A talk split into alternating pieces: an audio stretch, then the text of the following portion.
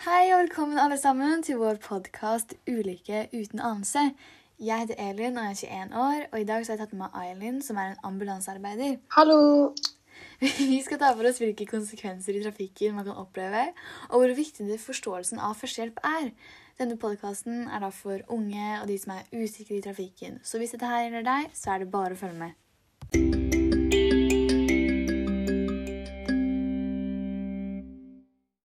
Men Ailin, siden du er ambulansearbeider, kan du da starte med å forklare oss litt hva førstehjelp går ut på, og hva det faktisk er? Det kan jeg. Eh, Så førstehjelp er det første du gjør før noen profesjonelle kommer til ulykkesstedet. Og det første du gjør da, er jo å ta på en refleksvest, først og fremst for å sikre deg selv. Og da, etter du har gjort det, så setter du opp eh, sånn varseltrekanter langs veien for å sikre selve ulykkesstedet. Og så er det viktig å få oversikt over stedet og observere om hvor mange som er involvert, og om noen skriker eller ligger stille. Så etter dette så ringer du ambulansen, og da man er sikret skadestedet, skal man sjekke tilstanden til de skadde personene, og det kan vi gå litt mer inn på senere. Dette her er veldig viktig at dere kan, og jeg har nemlig vært i en ulykke da jeg var 16 år, tilbake i 2015. Og det er dette her vi har tenkt å snakke om i denne podkasten, og hva vi gjorde på ulike steder. Det hele startet da jeg var 16 år og storesøsteren min var 22. Eh, Det var en tidlig vårdag, og vi var på vei til Drøbak. Og det hadde regnet dagen før, det var litt disig, og så var det sterk sol ute som traff oss midt i ansiktet.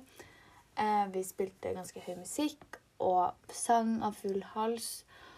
Og så Jeg tror vi ble veldig distraherte når vi kjørte, fordi eh, vi la ikke merke til passasjerbilen bak oss. Em, og siden vi trodde det var ingen bak oss, så valgte vi da å kjøre ekstra kjapt. Og ut av ingenting så bare hoppet det fram et rådyr midt ute på veien, så vi måtte bråsvinge. Da krasjet vi i en stolpe, så vi liksom sto på veien sånn sidelengs. Jeg var veldig heldig og ble ikke truffet av stolpen. Men bak oss så krasjet passasjerbilen på siden av bilen der søstera mi satt, altså på venstre siden av bilen. Og i passasjerbilen satt en mann med to barn i baksetet. Søsteren min da dunker hodet i siden av vinduet og mister bevisstheten. Så jeg bodde i et nabolag like ved og hadde hørt det store smellet fra ulykken, så derfor kom jeg løpende bort for å hjelpe. Og da jeg først kom til ulykkesstedet, så det skikkelig ille ut, og jeg så at det var to biler som hadde kollidert. Og Elin sto utenfor den ene bilen helt i sjokk. Ja, jeg husker ikke noe av det her. Jeg tror jeg må virkelig vært i sjokk. Men jeg var heldigvis eh, uskadet, og jeg var i stand til å hjelpe med å sikre ulykkesstedet. Eh, jeg har aldri vært i en slik situasjon før, så det her Jeg visste ikke hva jeg skulle gjøre. Så jeg prøvde å snakke til Elin, da, og hun svarte jo heldigvis tilbake, så da skjønte jeg at hun var i stand til å hjelpe meg. Og jeg ga hun ansvaret for å sikre ulykkesstedet. Så da gikk jeg og Eileen i bagasjerommet, og så fant vi fram utstyret. Vi begge tok på oss refleksvestene, og så jeg tok med meg varselskiltene. Imens tok jeg ansvaret for å sjekke ulykkesstedet og orientere meg, og det første jeg så var bilen som hadde kjørt inn i stolpen, og i førersetet satt en ung dame som så ut til å ha slått hodet i siden på vinduet og mistet bevisstheten, og i armen hennes stakk ut en penn. Og i passasjerbilen bak satt to barn i baksetet og skrek utrolig høyt, og mannen i førersetet var i sjokk og satt helt stille. Han bare så rundt, så derfor valgte jeg å gå til damen som var bevisstløs først. Og det første jeg gjorde, var å sjekke om hun hadde indre blødninger, så jeg kunne plassere henne ut av bilen. Og da kjente jeg på huden hennes, men hun virket normal. Hun hadde verken hard eller myk hud. Og hun var heller ikke blek, og jeg, jeg så ingen tegn til indre blødninger. Så da var det klart at jeg kunne ta henne ut av bilen, og jeg satte øret mitt inntil munnen hennes for å passe på at hun pustet. Så sjekket jeg om hun hadde frie luftveier, og da tok jeg opp uh, haka etter. Og etter det tok jeg opp venstrebeinet hennes og festet høyrearmen til nakken. Så dro jeg henne forsiktig over på den andre siden og passet på at hun hadde nakkestøtte og at eh, hun hadde frie luftveier. Allerede da var jeg ferdig med å sette opp skiltene, og jeg ringte til ambulansen. Og så gikk jeg bort til Eileen, som så ut til å ha veldig god oversikt og visste hva hun skulle gjøre. Så mens hun hjalp søsteren min, så tenkte jeg at jeg kunne gå bort til mannen som fortsatt var i sjokk.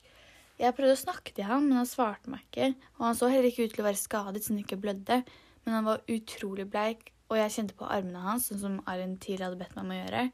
Og jeg kjente at han var veldig klam, og huden hans var på en måte myk. Og allerede da skjønte jeg at det var noe som var galt. Um, så da, jeg, da gikk jeg over til Ailin, som da bandasjerte søsteren min sin arm. Og søsteren min var da plassert i stabilt sideleie og så ut til å puste helt fint. Og jeg, jeg kjente igjen pennen som var i armen hennes, og det var den pennen som vi pleide å ha løst i baksetet. Som Elin nevnte, bandasjerte jeg jo armen til søsteren hennes, og siden det stakk en penn inn, så kunne jeg ikke ta den ut. Ellers hadde jo skaden blitt verre, og hun kunne ha mistet mye blod. Så jeg startet med å bandasjere armen for å stoppe blodtilførselen. Og da bruker man to bandasjer. Og den første bandasjen festet jeg inntil selve pennen, som stakk inn i armen. Og den andre rullet jeg over, og så knøt jeg. Jeg gikk over til Eileen for å spørre om hjelp. Jeg fortalte hun at mannen i bilen hadde indre blødninger, og at vi da ikke kunne ta han ut av bilen. Så da fortalte jeg til Elin at hun måtte vente til ambulansen kommer, og at hun skulle gå og distrahere han for å roe han ned. Jeg tenkte først at Eileen var veldig rar som sa det her. Hva skal jeg snakke med en gammel mann om som jeg ikke kjenner? Skulle jeg bare si at, til han at det var mulig, at det var en sjanse for at han kunne dø? Men jeg sa ikke det, og vi endte opp med å snakke om alt og ingenting. Imens Elin snakket med mannen, så prøvde jeg å roe ned barna, fordi de skrek utrolig, og de hadde, var jo i helt panikk. Så da jeg klarte å roe ned, så kom ambulansen, og de tok over ulykkesstedet og satte oss til side. Denne hendelsen viser faktisk hvor viktig førstehjelp er, fordi hvem som helst kan jo ende i en slik situasjon. Hvis det ikke hadde vært for Eileen, så hadde vi muligens mistet to liv. Det er også mye som har påvirket denne ulykken. Først og fremst så var det glatte veier, og vi ble truffet med sol midt i ansiktet. Hvilke andre grunner er det som også kunne ha påvirket denne situasjonen? Um, en annen ting er jo at søsteren kjørte over veien, og hun, fulgte, hun kjørte over fartsgrensa og fulgte ikke med på veien. Og mannen bak kunne eventuelt bremset om han hadde fulgt med mer, slik at det hadde blitt en mindre ulykke. Ja, dette er helt korrekt. Og dette her, vi har lyst til å oppnå nullvisjonen, slik at ingen blir skadet eller drept i trafikken. Dette her var alt for i dag. Ha en fin dag videre, og takk for oss. Ha det bra!